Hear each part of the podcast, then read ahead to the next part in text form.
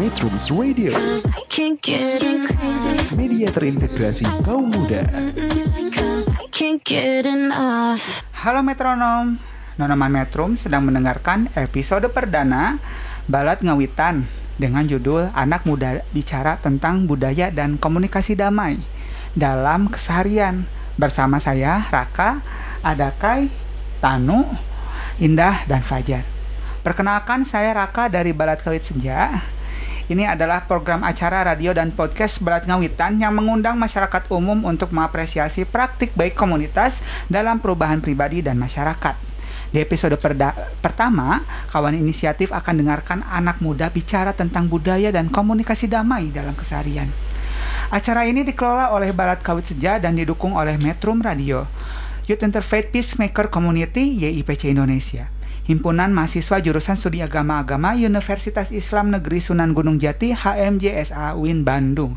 Rumah Damai Pati Indonesia untuk Kemanusiaan IKA ASEAN Community Trust Persekutuan Gereja-Gereja di Indonesia PGI dan Pusat Studi Agama dan Demokrasi Pusat Barat Madinah saya ucapkan terima kasih kepada Metronom yang mendengarkan program acara Balad Ngawitan melalui aplikasi Metrum Radio, satu aplikasi menjelajah berbagai platform yang bisa diunduh di Play Store.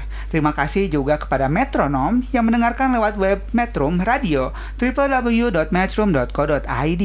Terima kasih juga kepada Metronom yang telah mendengarkan melalui aplikasi lain seperti Radio Garden, Radio Box, Radionet, Replalio atau aplikasi lainnya dengan kata kunci Metrum Radio. Oke, Assalamualaikum warahmatullahi wabarakatuh. Sampurasun, Balat Ngawitan Sadayana. Selamat sore pada metronom. Perkenalkan, nama saya Raka. Saya dari Balat Kawit Seja. Jadi di sini saya sudah bersama teman-teman. Ada ada uh, Kai, silahkan Halo Kai. Halo. Ya, ada Kang Fajar. Halo Kang Fajar. Halo.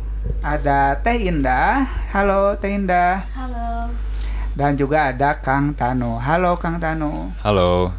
ya, teman-teman sudah dengar ya suara uh, uh, teman-teman host kita pada episode kali ini. Jadi kita mau kenalan dulu deh satu-satu. Nanti juga, saya akan jelasin kenapa ya kita ngumpul di episode ini dan ngobrolin soal komunikasi dan budaya damai. Yuk kita, uh, saya mau tawarin nih teman-teman siapa yang mau kenalan duluan. Aku Oke, dari Kai dulu ya. Oke, silakan. Halo metronom, nama aku Kai Aku mahasiswi semester 3 Prodi Komunikasi Penyiaran Islam Universitas Islam Bandung Oke, berikutnya ada yang mau berbagi lagi? Oke, silakan Kang Fajar. Iya. Perkenalkan aku Fajar. Aku dari jurusan Studi Agama-Agama UIN Sunan Gunung Jati Bandung. Oke. Berikutnya dari Teh Indah, silakan.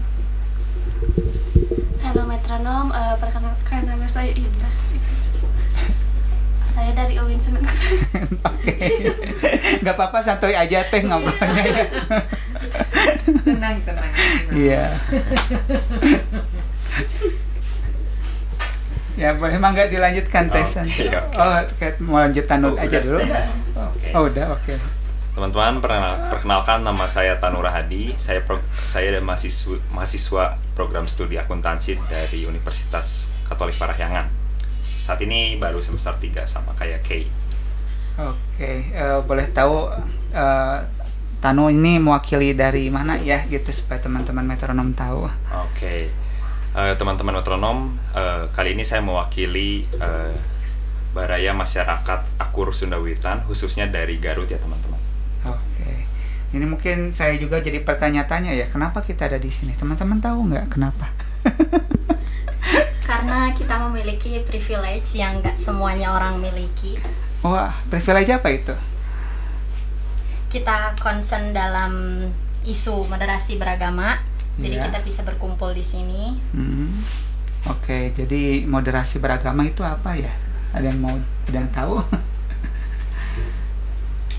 Kalau moderasi beragama sendiri mungkin eh, dari pendapat aku moderasi berasal dari kata moderat artinya tengah-tengah jadi nggak condong ke kiri nggak condong ke kanan gitu Oke.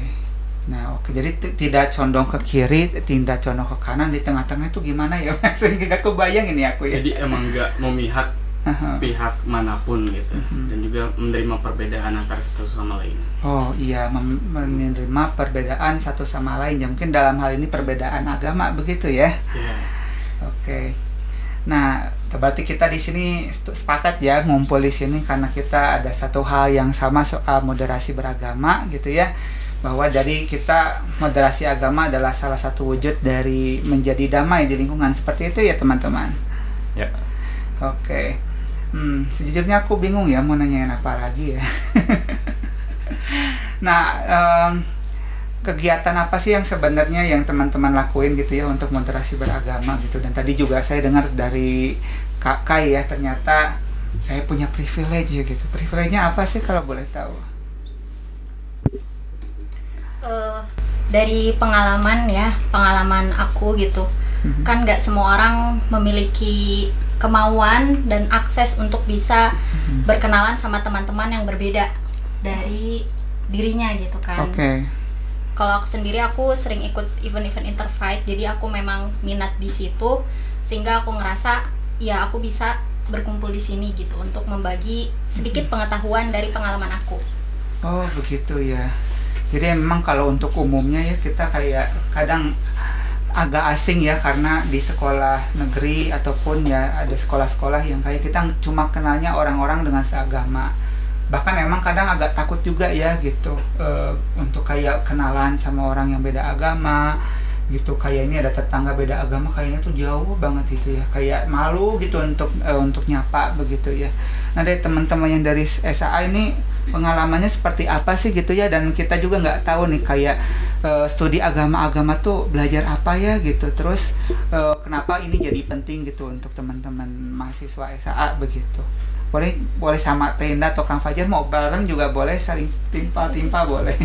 Oke, eh, studi agama-agama itu sebuah jurusan eh, yang emang di dalamnya kita nggak cuma belajar tentang agama Islam walaupun kita ada di UIN gitu atau di Universitas Islam, tapi juga kita belajar tentang agama lain khususnya mungkin eh, mempelajari juga toleransi beragama. Mungkin dari Indah mau nambahin? Eh, baik eh, contohnya itu kita sering mengadakan kayak seminar lintas iman kayak Oh. webinar atau dialog-dialog bersama para pemuka agama lain gitu Wow, hebat banget ya. Aku kayak bisa ya ketemu gitu. Kayak aku juga nyari di circle-circle aku gitu yang sekitaran Bandung. Ya mungkin umumnya orang satu agama aja gitu. Gimana sih rasanya untuk bisa komunikasi sa- sama orang dengan agama lain? Terus belajar apa sih sebenarnya teman-teman dari dari ya pengalaman studinya gitu di sana? Oke, mungkin eh, lebih ke pemahaman ba- banyak banget teori tentang eh, keragaman gitu. Kami juga menggunakan beberapa pendekatan kalau di studi agama agama UIN Bandung itu kayak antropologi, sosiologi, psikologi dan lain-lain gitu. Jadi dari pendekatan itu kita bisa kenal juga gimana sejarah agama lain, terus juga peribadatan agama lain sehingga eh, di saat kita berkom- berkomunikasi ataupun eh, berinteraksi dengan orang-orang agama yang berbeda itu bisa saling mengerti satu sama lain gitu. Oh gitu ya ternyata bisa. Ternyata beneran bisa ya kita berkomunikasi dengan orang agama lain gitu ya tanpa takut kalau umumnya kan kayak takut-takut gitu ya ketika misalkan eh, kenalan tiba-tiba kalau yang apa namanya kalau di memenya tiba-tiba login nggak akan kan ya? Nggak akan. tiba-tiba login kan? Kayak gitu ya. Oke nah begitu. Nah berikutnya nih yang saya mau kenalin juga kepada metronom gitu. Akur Sunda Wiwitan itu apa ya? Begitu apakah itu sekelompok budaya atau mungkin lebih dari sekedar budaya ya gitu boleh diperkenalkan Oke, oke. Baik, terima kasih eh, Kak. Jadi em, Akur Sundawitan ini merupakan eh, sekelompok masyarakat ya, teman-teman. Iya. Yang memang mempunyai eh, agama yaitu memang agamanya tuh fokus pada eh, kebersyukuran atas eh, apa yang telah diterima dan apa yang telah dirasakan oleh Sang Maha Kuasa begitu. Oh iya. Berarti ada suatu bukan ya, agama bukan agama baru ya tapi kayak eh, kalau sebagai orang awam kayaknya aduh ternyata ada ya gitu yang masih punya agama agama lokal ya atau agama asli ya begitu ya? Iya, betul, betul. Heeh. Eh, kalau kalau secara umum kan mungkin akan berpikirnya eh, Tuhannya siapa sih kayak gitu? Apakah sama gitu dengan kepercayaan Tuhan pada yang apa apakah sama dengan sila satu ya gitu kepada yang maha esa atau bagaimana ya begitu Mungkin untuk eh, pertanyaan pertama tadi ya, eh, Iya. apakah sama atau enggak? Em, pada dasarnya sama ya, Iya. Eh, merujuk pada Tuhan yang sama, tapi memang di tiap-tiap agama beda sebutan begitu ya, beda Iya. istilah, beda pengistilahan, Mhm. begitu. Tuhan yang sama, Tuhan yang memang Tuhan yang memang menciptakan kita semua begitu. Oh iya iya. Berikutnya tadi yang eh, yang soal apa tadi ya aku nanya? Yang tadi yang pertama soal itu ya. yang kedua itu soal apakah Tuhannya sama tadi udah jawab ya. Mhm. Oke. Jadi itu metronom yang diperkenalkan di episode eh episode di sesi pertama ya kita perkenalan. Jadi kita tahu masing-masing kegiatan eh, kegiatan dan juga identitas ya teman-teman yang bergabung ada yang mau ditambahin nggak untuk perkenalan dengan teman-teman metronom? Oke, iya udah cukup, ya. Jadi di episode di sesi berikutnya nanti kita akan ngobrol lebih lanjut ya, karena nanti bisa aja nanti metronom lebih tahu apa sih yang teman-teman eh, kak kali pelajari atau juga yang dilakukan juga oleh teman-teman Teh Indah juga Kang Fajar dalam eh, kegiatannya dalam studi di studi agama-agama ya di UIN Sunan Gunung Jati Bandung. Dan juga bagaimana sih eh, pandangan hidup gitu ya dan nilai-nilai yang dimiliki oleh teman-teman Akur Sunda Wiwitan. Oke, eh, metronom terima kasih sudah mendengarkan di sesi 1. Kita akan ketemu lagi di sesi 2 nggak lama ya setelah kita dengan pariwara berikut. Tetap di program acara Balad Ngawitan di Metrum Radio, media terintegrasi kaum muda dalam jelajah komunitas. Metrums Radio, I can't get enough. media terintegrasi kaum muda. Metrums Radio, media terintegrasi kaum muda.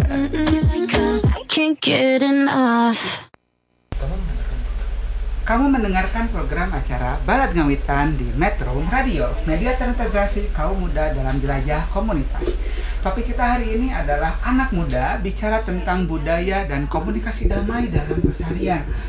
Oke, di sini saya sudah bersama Kang Tanu dan Teh Indah. Jadi tadi gue metronom dengar ya kalau tadi sebutkan bahwa damai itu ada hubungannya sama moderasi beragama. Lalu di sini ada lagi disambung-sambungin lagi dengan budaya dan komunikasi damai. Jadi mungkin antara kita masih nggak nggak kebayang ya gitulah soal moderasi beragama itu ngapain atau budaya damai itu seperti apa gitu ya. Terus gimana sih cara melakukannya gitu, mempraktikannya gitu. Saya mau tanya dulu deh ya ke Teh Indah. Halo Teh Indah. Halo, Kak- halo Kak. Oke, YJ Metronom juga mau tahu nih. Jadi budaya damai gitu ataupun moderasi beragama itu apa sih gitu. Terus prakteknya kayak gimana ya gitu. Oke, eh, menurut aku sih kalau konsep dari budaya damainya sendiri kan bertujuan untuk eh, menciptakan keharmonisan dan eh, budaya damai itu bukan hanya produk jadi atau kondisi jadi, jadi perlu proses di situ. Seperti kita eh, memerlukan faktor dan aktor seperti itu. Nah dalam sehari-hari eh, kita menciptakan budaya damai itu harus eh, didasarkan atas faktor. Yang pertama itu kayak eh, kebiasaan dan eh, dengan siapa kita tinggal atau di lingkungan seperti apa gitu. Seperti itu kak Oh, dengan kit- dengan siapa kita tinggal dan apa tadi? dengan lingkungan Oh, dengan siapa kita tinggal dan baga- dengan lingkungan ya Iya, begitu. Jadi itu tuh sebenarnya ngapain aja ya gitu langsungnya gitu kita Oke. kita harus ngapain ya gitu kalau eh, kalau misalkan mau hidup damai itu seperti apa gitu eh, nyatanya begitu.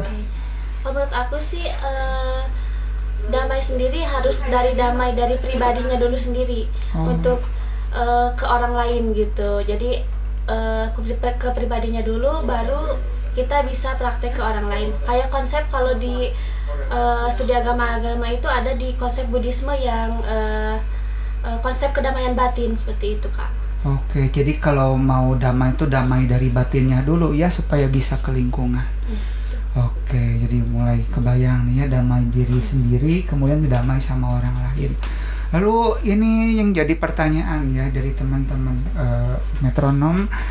Juga lanjut tadi ya soal tadi teman-teman ada yang penasaran soal akur Sunda Wiwitan gitu ya prinsip agamanya itu seperti apa ya gitu ya. Eh, kalau bisa kalau yang saya dengar-dengar sih biasanya sebut dengan teman-teman penghayat ya. Penghayat kepercayaan pada Tuhan yang Maha Esa. Benar ya kalau di secara identitas seperti itu ya Iya. Kang Tano? Betul, betul.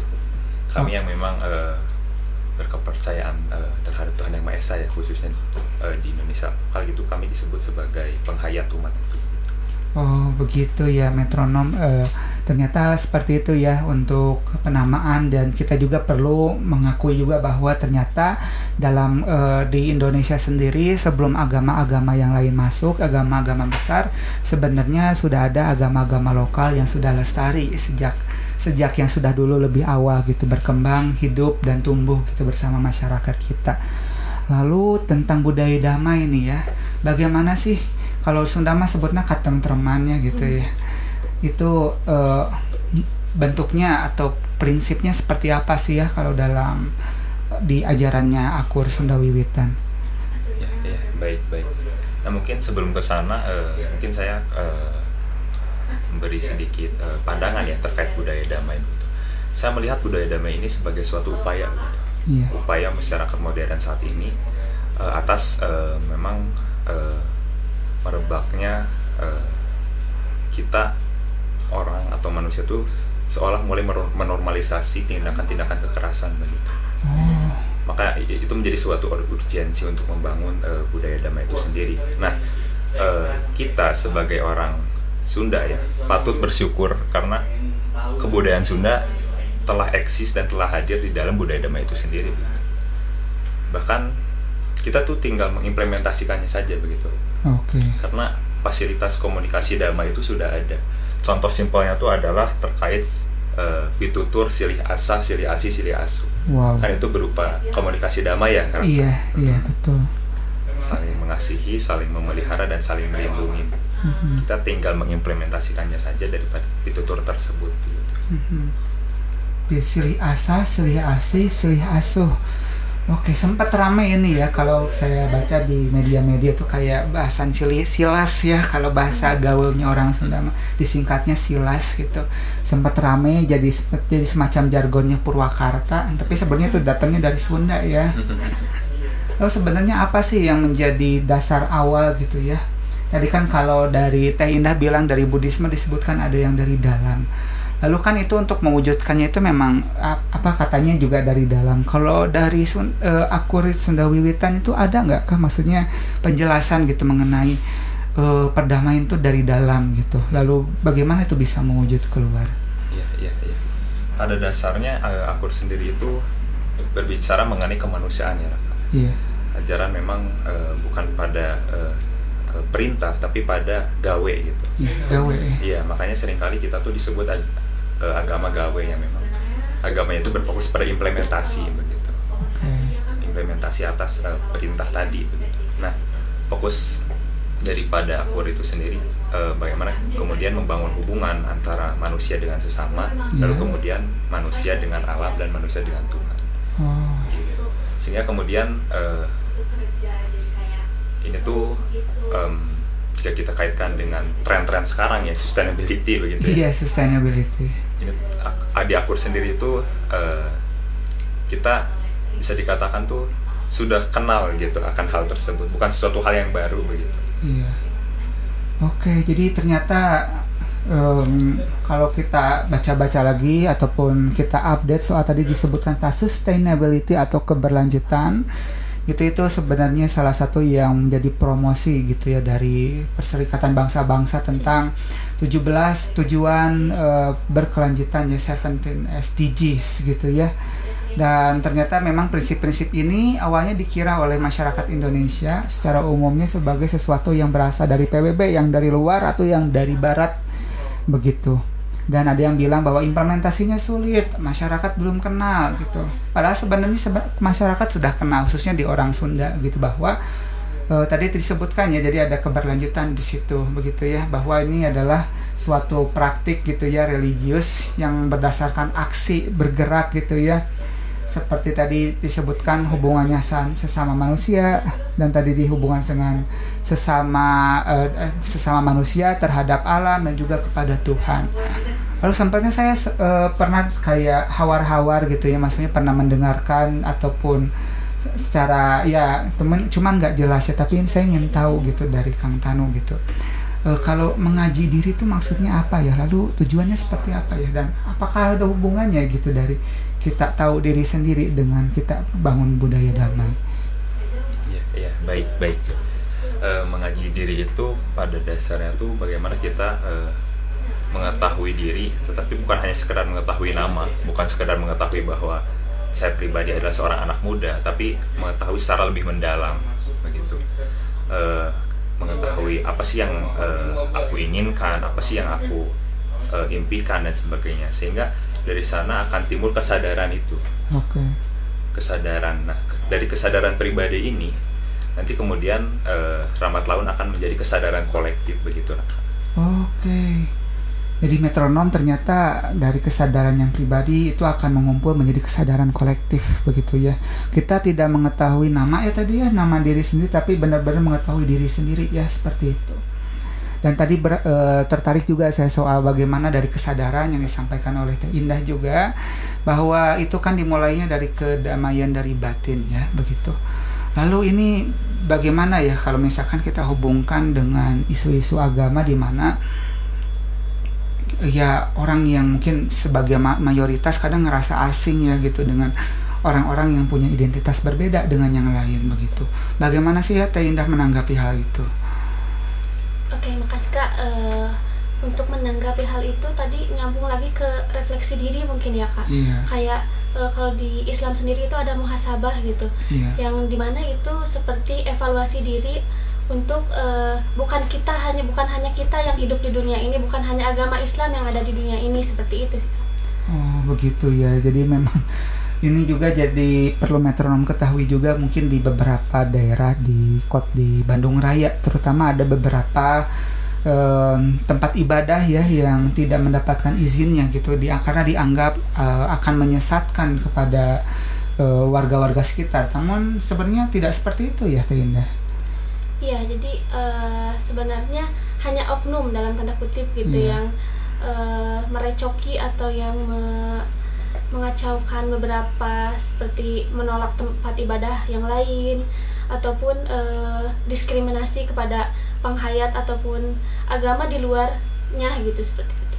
Oh, oke. Jadi seperti itu ya ternyata ya. Iya. Jadi kita juga perlu sadar ya sebagai orang teman-teman untuk metronom teman-teman metronom yang muslim, kita juga perlu sadar bahwa eh, di dunia ini juga lahir berbagai macam agama dan kita sebenarnya bisa mengenal satu sama lain seperti itu ya.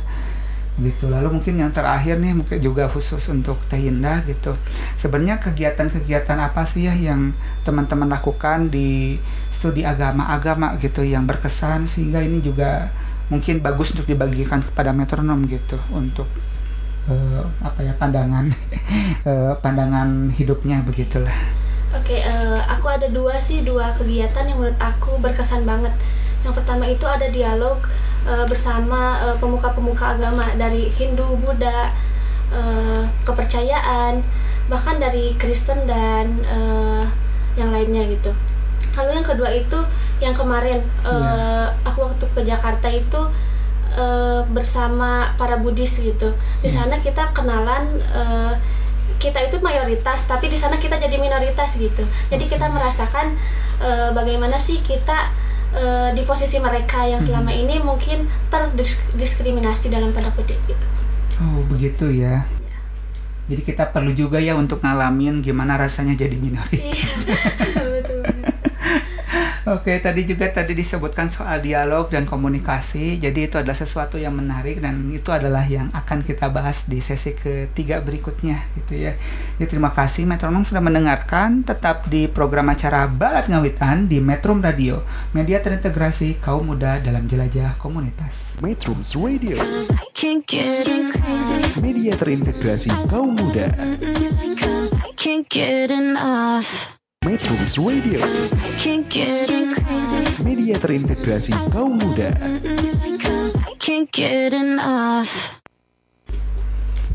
Kamu mendengarkan program acara Balad Ngawitan di Metro Radio, media terintegrasi kaum muda dalam jelajah komunitas. Topik kita hari ini adalah anak muda bicara tentang budaya dan komunikasi damai dalam keseharian. Oke, tadi sebelumnya metronom sudah dengar cerita dari Kang Tano dan Teh Indah gitu bagi ap- tentang apakah itu budaya damai gitu dan bagaimana kita memperlakukan melakukan eh, budaya damai itu dalam keseharian. Jadi tadi metronom juga ingat bahwa itu dimulai dari diri sendiri dan kita melakukannya itu dengan secara langsung melalui aksi. Nah, di sesi ini kita akan bicara lebih lanjut tadi tentang kalau tadi Teh Indah sebut sebelumnya tentang dialog lintas iman. Kita bicara soal komunikasi. Jadi di sini sudah ada eh, Teh Kaya dan juga Kang Fajar ini sebenarnya kami penasaran ya gitu men- mengenai dialog ataupun komunikasi gitu ya. Jadi sebenarnya dalam butuh komunikasi seperti apa sih ya yang sekiranya eh, dibutuhkan gitu ya untuk bisa berdamai dengan apa ya diri sendiri atau orang lain begitu. Silakan mau siapa dulu yang mau jawab? Oke. Eh, Oke. Komunikasi damai. Sebenarnya eh, nggak punya waktu atau cerita yang spesifik, cuman belajar dari pengalaman-pengalaman aku bahwa komunikasi yang baik atau komunika- komunikasi yang damai itu bukan semata-mata asal bicara, asal ngomong, asal ngeluarin unek-unek gitu. Memang komunikasi itu penting, tapi ada hal lain sebelum komunikasi itu terjadi yang perlu kita perhatikan, yaitu eh, sikon, sikon, situasi, waktu diri kita sendiri dan lawan bicara kita. Terkadang komunikasi itu hanya bisa memperburuk keadaan. Mungkin relate juga ya buat metro metromon, Metronom. metronom, sorry, metronom gitu ya. Eh, kadang kan, misal kita ada di suatu masalah atau ya di satu urusan gitu kan. Terus kadang kita ingin menyelesaikan masalah itu dengan komunikasi tapi kok kenapa jadinya malah tambah buruk gitu?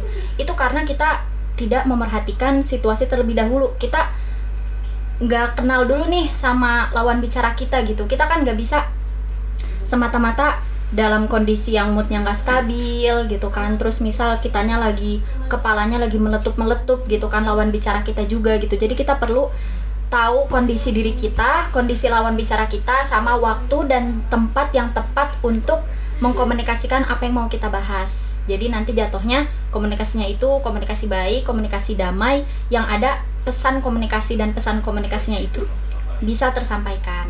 Oke, jadi yang tadi saya dengar eh, dari tadi nih metronom saya coba rangkumnya. Jadi ternyata dalam komunikasi damai kita perlu memperhatikan kondisi diri dan orang lain seperti itu ya, Teh Iya. Kai. Iya, bagaimana kalau misalkan kita nggak tahu ya tiba-tiba melutup gitu? Ah, tadi disebutin juga ya.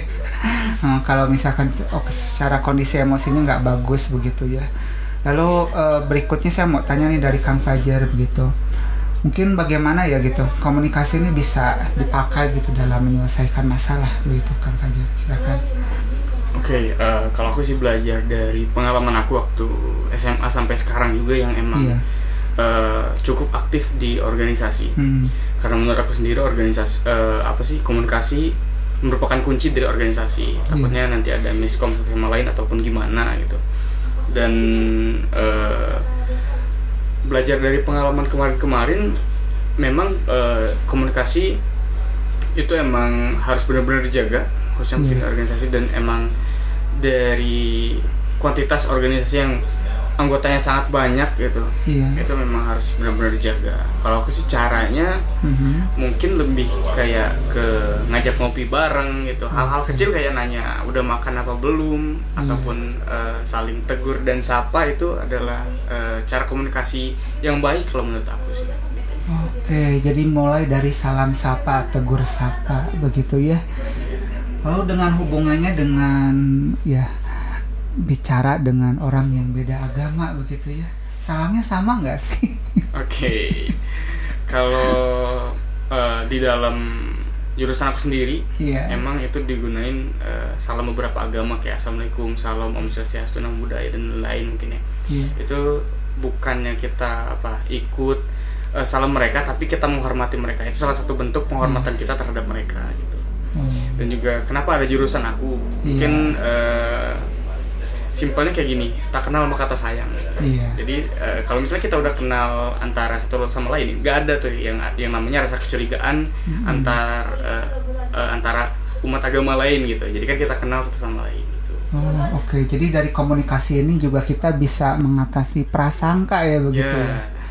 Nah, prasangka kalau sana orang-orang yang agama ini katanya begitu, begitu gitu ya. Iya. Heeh. ya. Em, dan juga saya juga mau tanya nih dari ke Teh Kai juga nih tadi disebut soal ada prasangka. Pernah nggak sih ngalamin prasangka? Terus gimana sih caranya untuk ngatasin itu? Eh, ini banyak juga ya case-case kayak gini gitu kan di lingkungan sekitar aku terutama kita tuh kalau belum kenal pasti kan rasanya kayak kalau orang yang pertama kali baru lihat atau dengar orang yang berbeda sama dirinya tuh mesti ada prasangka kan? Iya. kok dia beda sih? Kok gini? Itu tuh kayak gimana gitu. Hmm. dan solusinya itu ya jangan dengerin kata orang-orang yang misal bu gimana ya? Jadi kita tuh perlu mengenal apa yang kita punya seuzon ke sana gitu. Jadi Iya. misal ada satu hal yang berbeda dari keyakinan kita terus kita ya coba cari gitu riset dan nggak nggak cuman dari satu poin aja tapi riset dari banyak banyak apa ya banyak materi atau banyak teori juga. Mhm. jangan maksudnya jangan cuman mengkutip dari satu pembicaraan gitu. Terus kalau bisa tuh ya kita langsung ketemu sama orangnya terus kita ngobrol eh sebenarnya misal ini tuh kayak gimana ya? Yang kalian lakuin tuh apa ya? gitu. Jadi kita bisa tahu dan akhirnya prasangka itu tuh hilang gitu. Oke, prasangka tadi ya. Tadi juga dengan soal prasangka dari disebut oleh Kang Fajar juga bahwa komunikasi bisa eh, apa namanya bisa mengatasi prasangka. Selain itu nih Kang Fajar, selain prasangka apalagi sih sebenarnya manfaat yang mungkin bisa kita dapat ya dari komunikasi Oke. damai. Oke. Iya. Pen- apa sih tadi. Tentang ya selain prasangka itu ada lagi nggak sih yang kita mungkin bisa peroleh gitu ya dari melakukan komunikasi secara damai. Oke, eh, mungkin dari komunikasi secara damai kita dapat bisa menghargai orang lain juga. gitu. Oh iya. Mungkin juga itu eh, kita rubah dalam diri kita terlebih dahulu gitu. Sebelum kita apa sih eh, berbicara dengan orang lain tuh hormati dulu gimana, eh, hargai dulu orang lain gimana gitu. Dengan cara mungkin eh, kita lebih eh, bisa mendengar orang lain dengan baik gitu. Terus juga jangan terburu-buru ja- dan eh, benar-benar berpikir kritis Iya. caranya menyelesaikan masalah misalnya ada yang curhat nih gimana gitu mungkin Oke. Men- Lebih kritis, men- menjadi pendengar yang baik, Iya. begitu ya. Oke. Hmm, sejujurnya aku bingung mau nanya apa lagi mungkin. aku boleh request deh gitu, silahkan dari masing-masing dari Kang Fajar dulu ataupun juga eh, Teh Kai gitu ya mau eh, berbagi apa lagi nih ya soal komunikasi? Apa yang perlu dibagi lagi kepada teman-teman metronom nih supaya tahu?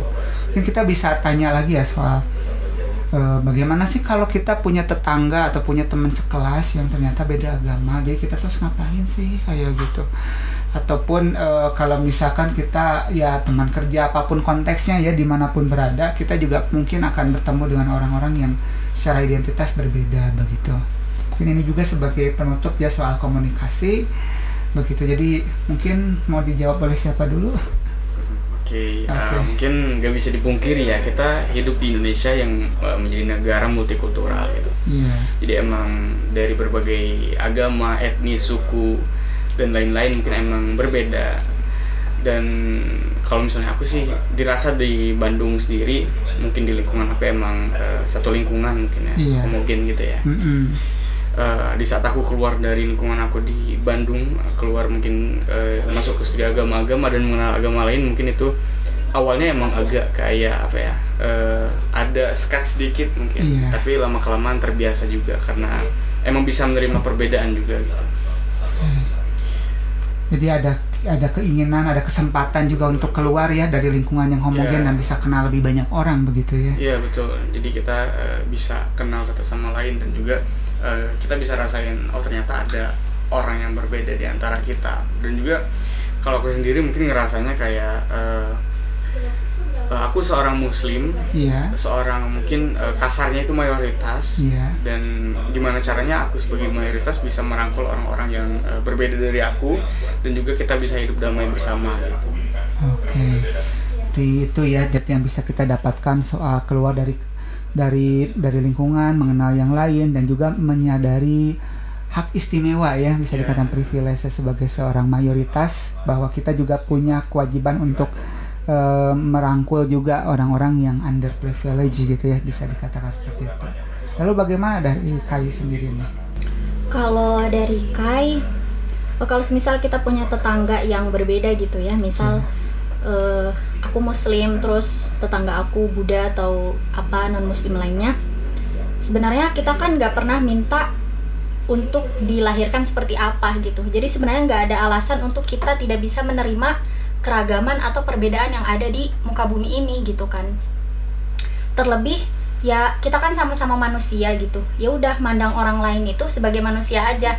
Nggak memandang tetangga nggak memandang temen sebagai ah dia mah Buddha ah dia mah penghayat ah dia mah nonis gitu. Ya pandang aja dia sebagai manusia gitu.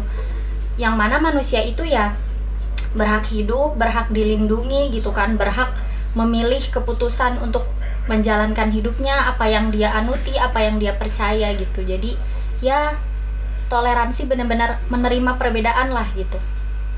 Oke, jadi itu diawali dengan dari komunikasi itu dari keinginan untuk menjadi toleransi ya, begitu. Data itu ya yang bisa kita dapatkan dari Kang Fajar dan juga Teh Kai bahwa komunikasi itu penting untuk eh, mengatasi prasangka begitu dan juga menguji eh, hak istimewa yang ada di diri sehingga kita bisa membangun toleransi. Begitu. Oke, terima kasih metronom sudah mendengarkan. Tapi jangan ke mana-mana dulu ya, karena kita akan lanjut ke sesi 4 itu kita akan lebih bahas lebih mendalam lagi ya untuk membahas bagaimana jika ada orang yang berseteru jadi kita harus ngapain nih ya gitu ya metronom oke tetap di program acara Balad Ngawitan di Metrum Radio media terintegrasi kaum muda dalam jelajah komunitas Metrums Radio, media terintegrasi kaum muda. Metrums Radio, I can't get enough. media terintegrasi kaum muda.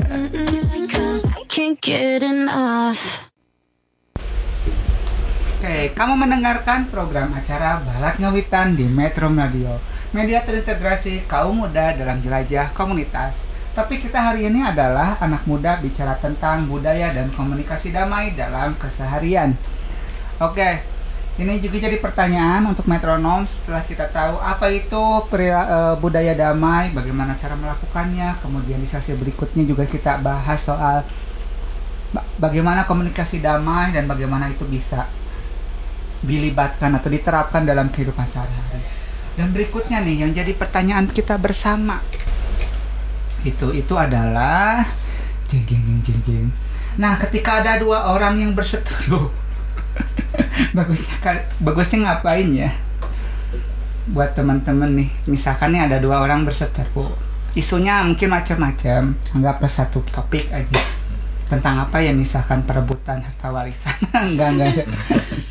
Perbuatan cewek kali ya. Rebutan cewek bisa atau mungkin yang berrelevan dengan situasi atau pendapat kita eh, apa namanya bahasan kita eh, di hari ini itu adalah soal eh, bagaimana ketika ada ya dua orang berseteru gitu ya. Asiknya nih ngapain ya kita ya? Mangga mau siapa duluan boleh aku kali. Mungkin kalau misalnya emang eh, ada konflik antar dua orang Mhm. itu enaknya diajak ngopi sih. Oh diajak Jadi, ngopi ya? iya saling terbuka satu sama lain gitu. Mhm. walaupun eh, kalau dari setiap orang sendiri nggak bisa gitu. Ibaratnya eh, menja- apa menjadi penengah gitu. Mhm. karena aku aktif di organisasi aku ngerasa dari beberapa orang itu ada memiliki empat karakter gitu. Oke yang pertama mungkin eh, dia orang yang dominan. Iya. artinya apa yang dia ucap pasti diikuti oleh oleh orang-orang. Iya. Yang kedua ada eh, tipe orang yang intim. Iya. Jadi dia eh, sering sekali ber- eh, bisa berempati gitu. Terus simpati Iya. yang tinggi yang cukup Mhm. tinggi gitu. Terus juga ada orang yang eh, cerdas gitu. Iya. Dia orang yang kritis dan juga analisis. Dan yang terakhir tuh orang yang stabil sebagai orang penengah. Jadi dari orang stabil itu kayaknya kita bisa tuh kita suruh atau kalau enggak kita cari solusi sama orang yang stabil dan bisa menjadi penengah eh, di antara konflik dua orang ini gitu Oke, jadi ternyata nih metronom penting untuk kita cari orang yang bisa menjadi penengah. Begitu. Bagaimana teman-teman yang lain setujukah atau misalkan mau ikut nimbrung juga tuh dari orang berseteru itu tuh. ikut biar makin panas Oke, bisa bikin panas ya gitu. Lalu gimana lagi nih? Dari Kang Tano gimana nih? Oke. eh, ini eh, tanya jawab tanya jawab. Oke. iya, boleh Oke. boleh. Eh, kalau boleh tahu maksudnya jadi penengah tuh ya, artinya tuh di tengah-tengah gitu. Jadi pihak netral atau bagaimana? Iya, jadi pihak netral. Jadi eh, dia tuh bisa membereskan kasus ini ataupun perseteruan ini gitu.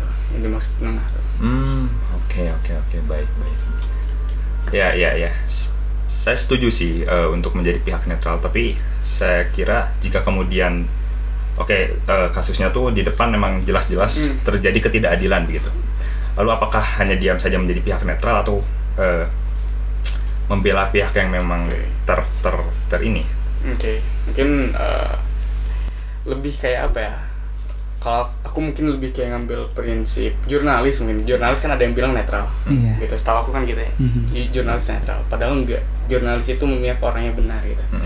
Jadi kalau misalnya emang eh, ada perselisihan antara satu sama lain gitu, kita emang bisa eh, kita bisa memihak orang yang sekiranya benar gitu dan juga emang eh, orang yang tertindas mungkin Hmm, gitu. Oke baik baik.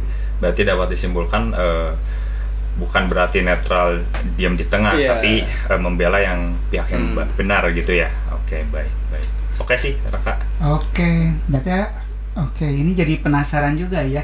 Ketika kita minta orang yang bisa netral, tetapi yang jadi pertanyaan apakah emang benar-benar kita harus yang netral itu perlu memihak begitu ya? Jadi jadi pertanyaan nih. Iya. jadi teka-teki nih. Karena kalau eh, gimana ya? Kadang-kadang ketika netral, ketika ada salah satu yang akhirnya memihak pada satu yang dianggap dia benar, yang lainnya merasa dimatikan. Bener nggak kayak gitu? bener sih Iya, gimana nih? Silahkan. Eh, kalau ada yang berseteru gitu memang butuh penengah sih ya buat Iya. nanti kan jadinya dilakukan mediasi gitu kan Iya. kayak di ditenangin dulu dilerai terus Iya. nanti ngobrol bertiga kayak kenapa kamu kayak gini? Kenapa kamu bisa mikir kayak gini kayak gini? Tapi eh, berarti butuh orangnya tuh penengah yang memang tidak memihak dong seharusnya. Oh iya, oke. soalnya kalau penengah tapi dia tetap kayak tapi kamu salah karena yang bener gini gitu kan. Tetap aja dia berarti mihak. Terus kan kalau ada orang yang dominan terus ada yang penengah gitu siapa maksudnya yang benar-benar bisa untuk melerai gitu Oke. Wah ini jadi jadi suatu tantangan baru ya. jadi di satu sisi tadi metronom juga dengar ya. Jadi kalau Tano bilang bahwa eh, dalam satu yang lelah kita eh, yang yang netral ini harus menentukan siapa yang benar dan yang salah. Tapi di satu sisi lain kita sadar loh kalau ternyata dalam dua pihak itu ada ketika ada yang memihak gitu. Ternyata ada satu orang yang tidak adil gitu merasakan ketidakadilan. Jadi ternyata ada satu satu poin yang kita dapat ternyata ada ketidakberpihakan begitu. So, apakah ini teman-teman pernah mengalami proses seperti itu? Ada pihak yang benar-benar tidak memihak. Dan bagaimana itu hasilnya dalam perseteruan yang teman-teman saksikan? Oke. belum sih belum belum belum pernah mengalami seperti itu Oke. Iya. mungkin nanti akan nemu kali terus belajar langsung Bagaimana tadi Kang Fajar mau cerita ya? Aku sih eh, ada salah satu salah dua berarti ya Iya. karena dua pihak gitu ada yang apa sih bermasalah terus juga Hmm. selek satu sama lain gitu mungkin balik lagi kalau menurut aku sih lebih ke kurang komunikasi antara satu sama lain gitu jadi Hmm. emang lebih ke balik lagi ke prasangka mungkin yang Betul. satu eh, nyangkanya gimana yang pihak eh, satu lagi gitu terus juga eh, adanya keegoisan mungkin Oke. di antara satu sama lain gitu balik lagi mungkin eh, walaupun dalam agama ya aku nyangkutin agama karena aku dari studi agama Iya. nggak ada salah satu pun eh, tokoh agama yang mengajarkan tentang keegoisan tapi Iya. balik lagi ke sifat dasar manusia yang emang eh, memiliki dasar egois gitu sih. Oke. Oh iya, sip. Berarti tadi ada ya netral penting, terus untuk tidak egois, untuk pengalaman pengalaman berarti ini ya. Jadi emang jadi sebagai anak muda bener beneran nih belum pernah ngalamin gitu orang dimediasi terus ada orang yang benar-benar netral. Jarang ya sepertinya. Ya, belum pernah. Mm-mm. Dan perlu teman-teman metronom ketahui ini juga menjadi salah satu landasan nanti untuk kita ketahui lebih lanjut di episode berikutnya. Dan kita akan bicara tentang mediasi. Jadi kita di kelompok ini teman-teman anak muda mempertanyakan ya soal apakah mungkin misalkan kita ada dalam ketika ada dua pihak yang berseteru itu ada bisa ada satu pihak yang jadi membantu negosiasi tapi tidak berpihak begitu ya. Oke. Aku jadi ingat eh, mungkin sedikit berbagi dan Oga juga sedikit nantang kalau misalkan ini yang berseterunya ada dua orang, yang satu Ibu Wati, satunya Pak Budi. Jadi ini ceritanya Ibu Wati ini punya pohon, pohonnya besar, pohon mangga, terus eh, dau- bat- daunnya batangnya itu melebar gitu ya, manjang gitu ke halaman rumahnya Pak Budi sehingga daun-daun jatuh ke situ. Dan tiap tiap daun jatuh itu kan buahnya diambil nih sama Ibu Wati tapi daunnya dijatuhin ke halamannya Pak Budi. Sementara Pak Budi ini mempunyai anjing gitu, anjingnya ada banyak, sering keluar begitu. Dan juga buang air besar sembarangan di pekarangan rumah di depan rumahnya Bu Wati. Begitu. Nah, ketika itu mereka bertengkar dan akhirnya membawa ini kepada seseorang yang netral. mungkin itu salah satu eh, mungkin eh, cerita yang pernah saya dapatkan gitu ya ketika mungkin proses mediasi begitu. Nah, jadi misalkan ada Ibu Wati dan Pak Budi, apa sih yang kira-kira akan teman-teman lakukan nih ketika misalkan jadi penengah nih? Oke, aku mau dengar sih dari yang jarang bicara nih. Penasaran nih metronom dari Teh Indah itu seperti apa ya pemikirannya? Oke, Eh, makasih Kak Raka. Eh, mungkin kalau aku jadi penengah antara antara Pak Budi dengan Ibu Wati gitu. Mhm. Eh, pertama kita ajak dulu supaya damai dulu dirinya gitu. Suka- supaya tenang dan emosinya itu tid- eh, mereda gitu. Karena Iya. eh, 99% masalah kan dari nada nada bicara yang eh, apa ya meluap-luap atau eh, marah seperti itu kan.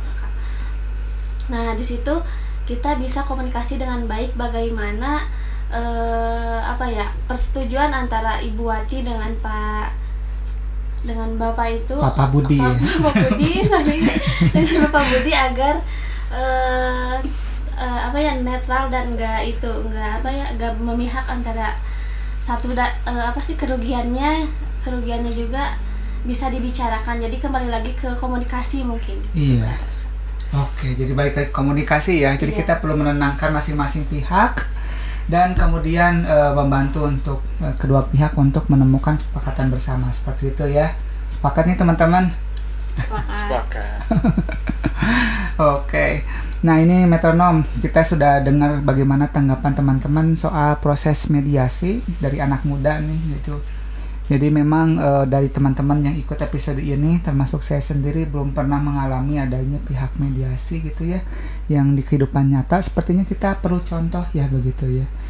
Mungkin ini akan kita bahas di episode berikutnya. Cuman balik lagi nih ternyata anak-anak muda ini sudah mengerti ya dan sudah berbagi kepada metronom tentang apa sih itu budaya damai, cara melakukannya, prakteknya, komunikasi begitu ya. Nah, yang eh, berikutnya kita akan lanjut ke mungkin kayak semacam yang ingin dibagikan oleh masing-masing begitu loh yang sekiranya ingin dibagikan kepada teman-teman metronom gitu. Sebenarnya apa sih yang penting dilakukan gitu? Bebas mau terkait budaya damai ataupun moderasi beragama seperti itu. Apa sih yang kira-kira bisa metronom lakukan gitu untuk ya untuk itu semua begitu? Baik saya persilahkan nih mau siapa dulu Aku boleh. boleh silakan Tapi Kak. paling aku mau berpesan sekalian negesin aja dari yang udah aku sampein dari yang udah dibahas tentang budaya damai sama komunikasi. Haha. komunikasi yang baik dan komunikasi yang damai itu bukan satu-satunya penyelesaian masalah. Maksudnya bukan satu-satunya hal terpenting dalam penyelesaian masalah. Jadi komunikasi itu dia nggak bisa berdiri sendiri. Ada hal lain yang sama pentingnya sebelum komunikasi itu terjadi, yaitu kita mengerti sikon gitu. Jadi kita harus ngerti situasi sekeliling, kita harus milih waktu dan tempat yang tepat untuk mengkomunikasikan yang mau dibahas. Jadi biar nanti e, pesan komunikasinya tersampaikan dan komunikasinya nggak semata-mata cuman ngeluarin unek-unek aja gitu karena kalau komunikasi tanpa memerhatikan situasi terus tanpa memerhatikan kondisi kita juga kondisi lawan bicara kita juga itu hanya dapat memperburuk keadaan itu mungkin aku mau negesin itu aja sih Oke, berikutnya nih mau dari siapa lagi? Terima kasih Kak. sama-sama Pesan-pesan untuk metronom. Oke, up berlanjut kepada Kang Tanu. Oke. Em, mungkin eh, saya juga em, menegaskan yang telah saya sampaikan ya teman-teman em, terkait eh, kita sebagai orang Sunda yang memang kita patut bersyukur kita eh, lahir di kebudayaan yang memang udah familiar dengan yang namanya komunikasi damai begitu. Nah, kita tuh tinggal mengimplementasikan aja teman-teman dari daripada pitutur pitutur atau nilai-nilai yang telah eh, orang tua orang tua kita wariskan gitu turunkan gitu teman-teman. Eh, oh iya, nah mungkin men- penegasan lagi untuk eh, sesi yang saat ini yang tadi saya bahas soal yang berseteru begitu ya teman-teman. Em, eh, memang pada dasarnya kita tuh eh, baik untuk menjadi pihak netral gitu ya. Tapi Hmm. Eh, jika pada kasus-kasus tertentu, saya kira em, menjadi netral itu tidak selalu baik begitu. Hmm. Saya mengenal satu istilah dalam eh, logika berpikir, namanya tuh policy of neutrality, bahwa memang eh, kadang-kadang berpikir menjadi netral itu rancu begitu. Iya. Kita harus melihat eh, situasi yang terjadi begitu teman-teman. Mungkin itu sih dari saya. Terima kasih. Oke, terima kasih Kang Tanu. Berikutnya. Kalau dari aku mungkin sebagai SAA gitu ya karena kita diciptakan itu sudah berbeda-beda dari pribadi sekarang eh, kita melihat dari agama atau kepercayaan maka dari itu karena kita memiliki keunikan dan khasnya masing-masing maka eh, alangkah baiknya kita menghargai dan mentoleransi apa pun karena kita hidup sebagai manusia yang sosial gitu seperti itu Oke. Dan yang terakhir dari Kang Fajar. kayaknya udah eh, dibahas semua oleh Indah mungkin bahkan eh, sedikit aja mungkin eh, dari komunikasi mungkin eh, lebih baiknya kita bisa memahami diri kita sendiri sebelum Iya. memahami orang lain terus juga dari eh, komunikasi itu bisa mulai dari cara intonasi berbicara kita gitu terus Mhm. juga gestur tubuh juga bisa meyakinkan kepada orang lain apa enggak gitu sih Oke, terima kasih semuanya. Satu lagi boleh nggak? Oh, boleh, boleh, boleh, boleh. Ada lagi nih, silakan. ini nih eh, penasaran mungkin nih. terkait moderasi beragama ya Iya. saya kira tuh hal paling ampuh tuh bukan berdialog lintas iman tapi ajak ngopi bareng. Iya, itu iya. lebih membangun i- kedekatan intim gitu. Lebih santai kan? Iya, lebih santai lebih ketimbang satu sama lain dialog begitu sih kalau menurut saya. Wah, jadi penting juga ya untuk kita untuk ngopi bareng gitu ya lintas iman ngajak kopi Karena ngobrol. kenyang itu. Kenyang tidak marah begitu ya, betul sekali metronom.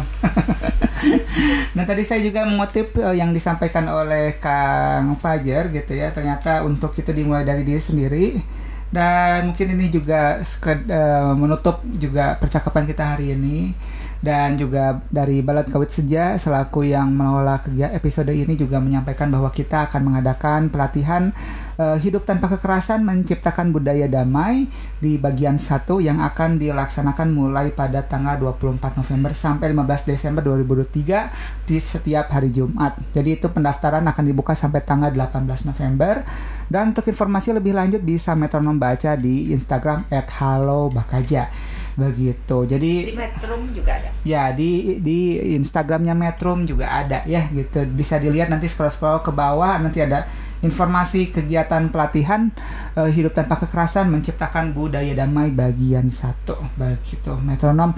Jadi tadi kita sudah dengarkan bagaimana anak-anak muda berbincang tentang komunikasi dan budaya damai gitu. Dan bahwa ternyata anak-anak muda itu punya kapasitas dan punya pengetahuan untuk benar-benar eh, mempraktikkan budaya damai dan komunikasi damai dalam keseharian mereka begitu Nah, untuk spoilernya di episode 2 kita akan lebih mem- membahas lebih dalam lagi soal proses mediasi. Seperti yang tadi pertanyaan yang saya coba tanyakan dari ternyata anak muda butuh gitu ya untuk kayak tahu eh, apa itu mediasi dan bagaimana itu terjadi gitu ya dalam situasi-situasi seperti apa itu perlu terjadi. Begitu. Jadi mungkin kita beri salam gitu ya kayak masing-masing mau bilang apa pada metronom. Jadi kayak dari saya terima kasih metronom eh, Sampurasun dari Kang Fajar. Salam buat metronom. Oke, yang lain belum nih. Oh iya, boleh, boleh. Hatur nuhun metronom. Iya. Makasih metronom udah dengerin kita. Hatur nuhun teman-teman metronom. Ya, silakan. Makasih banyak eh, metronom. eh, salam damai buat kita semua. Oke, terima kasih sudah mendengarkan program acara Balad Ngawitan di Metro Radio. Media terintegrasi kaum muda dalam jelajah komunitas. Sampai jumpa lagi di episode berikutnya. Wassalamualaikum warahmatullahi wabarakatuh. Sampurasun. Sampai. Metrums Radio, media terintegrasi kaum muda.